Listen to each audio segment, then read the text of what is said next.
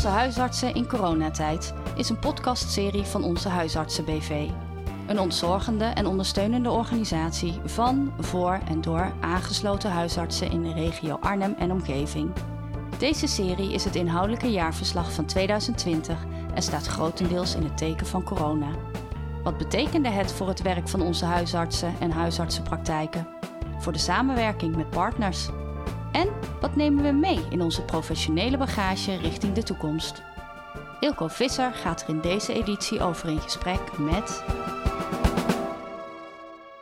Jet Driessen, GGZ-consulent Onze Huisartsen. Nou Jet, het jaar 2020 moest nog echt goed op gang komen toen we ineens met corona werden geconfronteerd. Welke impact had dat de eerste maanden op jouw werk? Het belangrijkste uh, was natuurlijk dat het een grote schok was voor iedereen wat er gebeurde. En dat we plotseling niet meer zomaar op de praktijk konden werken. Dat merkte ik bij onze huisartsen, maar dat merkte ook de POH's GGZ in de huisartsenpraktijken. Het was natuurlijk een heel uh, somatisch verhaal. Waarbij de GGZ eventjes, ja, dat stond op plan 2, zou je kunnen zeggen.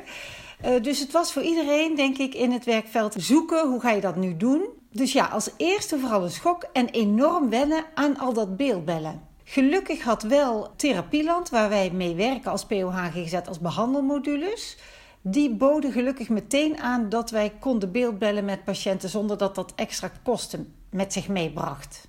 Dat was wel heel fijn. Ja, en, en in die beeldbelcontact, uh, want we hebben natuurlijk in de media heel veel gelezen en gehoord over hè, dat de geestelijke gezondheid van mensen ook toch ook behoorlijk onder druk uh, kwam te staan. Wat heb jij in de patiëntencontacten zien veranderen? Nou, in eerste instantie um, merkten we in huisartsenpraktijken, dat hoorde ik van veel POH's GGZ ook terug, dat veel mensen gewoon niet meer naar die, hè, die konden ook niet meer naar die praktijken toekomen. Dus ja, het was eigenlijk eventjes heel erg rustig. En dan ging die POH wel mensen bellen. Uh, om uh, telefonisch contact af te handelen. Ook hebben we POH's wel geadviseerd, en sommigen hadden dat zelf al bedacht, Kijk eens even naar de mensen die je de afgelopen jaren wel eens hebt gezien, of waarvan de huisarts weet: hey, deze uh, mensen zouden nu wel eens extra kwetsbaar kunnen zijn. En bel daar zelf even achteraan. Ook waren er wel POH's GGZ die het initiatief namen om te gaan wandelen met patiënten. Dus eigenlijk om de consulten gewoon te laten doorgaan. En gaandeweg heeft ieder daar zo zijn weg wel in gevonden. Ik zou nog graag even op de vorige vraag terugkomen. Wat heeft het betekend corona in het werk binnen onze huisartsen? Wat een hele belangrijke uh, was, waar wij wel ons erg moesten aanpassen.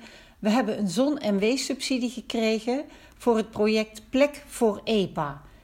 We hebben binnen onze huisartsen, de GG-zorg en de ketenzorg samen met allerlei uh, netwerkpartijen het zorgpad EPA en CVRM en EPA en Herstel ontwikkeld. En dat hebben wij vorig jaar uitgeprobeerd in twee proeftuinen, waarin we met allerlei uh, netwerkpartners samen patiënten met deze kwetsbaarheid concreet uitnodigden om te kijken wat beter zou kunnen. Dat was wel even een grote hiccup toen we deze mensen plotseling niet meer konden ontmoeten. Ja, want dan moet je zelf overstappen op beeldbellen, maar die anderen moeten dat ook en patiënten moeten dat zelfs ook.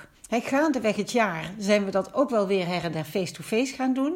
He, maar dan moet je een ruimte en grote afstanden. Dus nou ja, dat was best wel een behoorlijke aanpassing. Ja, en, en ben je daar uiteindelijk wel in verder gekomen? Nee, dat is, ik, we zijn daar toch wel echt tevreden over.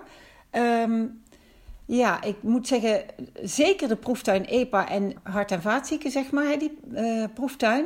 Daar werden mensen concreet uitgenodigd omdat ze medicatie gebruiken.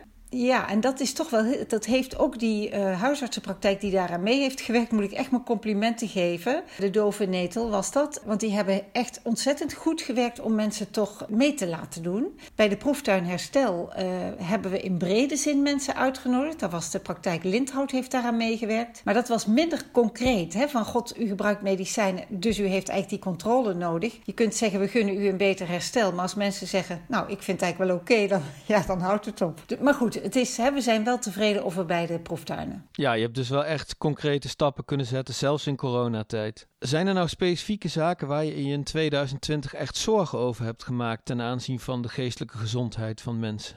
Ja, zeker. Uh, ik denk dat in 2020 heel duidelijk is geworden door die corona dat de meest kwetsbaren nu extra kwetsbaar zijn. Ook in de GGZ bevroor natuurlijk, in de propersonen en de GGNet bevroor natuurlijk zeg maar de instroom even. Daarna kwam natuurlijk de aanmeldingen wel weer op gang. Maar alles moest voorzichtiger en aangepaster en veel meer met beeldbellen. Ja, dat is voor, voor patiënten echt soms heel akelig geweest. Ik denk ook wel dat, het, dat de huisarts is dan toch de plek waar mensen nog wel naartoe kunnen. Dat dat, uh, ja, dat dat ook wel heel fijn is voor patiënten. Maar dat er ook een grote groep patiënten is die eigenlijk nergens meer goed terecht kon. Ook niet op scholen, die gingen dicht. Uh, ik heb zelf veel jonge studenten gezien. Ik werk ook een dag uitvoerend als POH GGZ. Uh, jonge studenten die afhaakten op hun HBO bijvoorbeeld.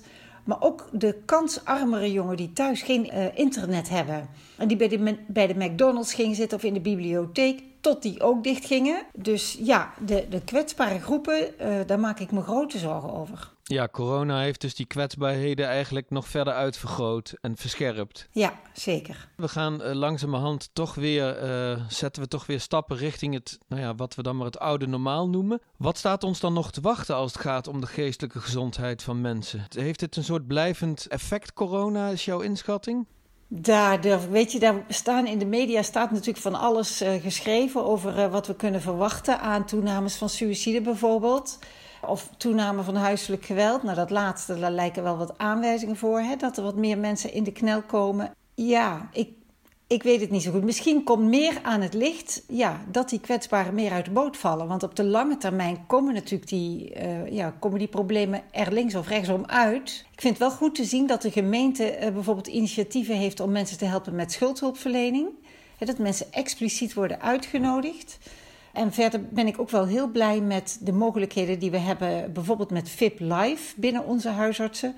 Om goed consultaties te kunnen doen uh, binnen de GGZ.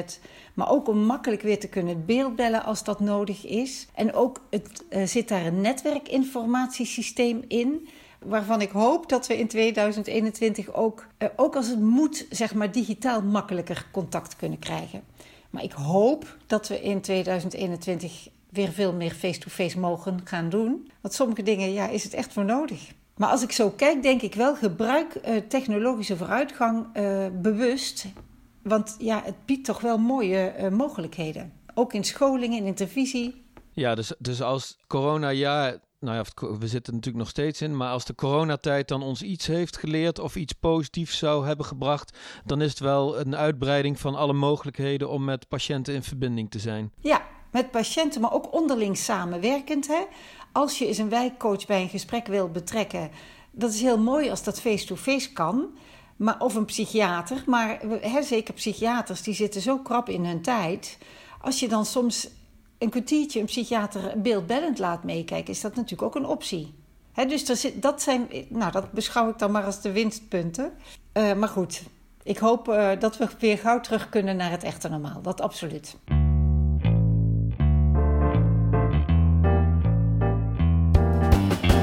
Luisterde naar de podcastserie Onze huisartsen in coronatijd. Presentatie en montage Ilko Visser. De muziek is van Marianne Huiskamp.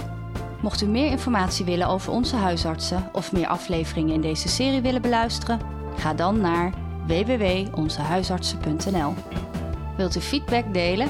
Graag! Stuurt u dan een mail naar info.onzehuisartsen.nl onder vermelding van podcast. Bedankt voor het luisteren.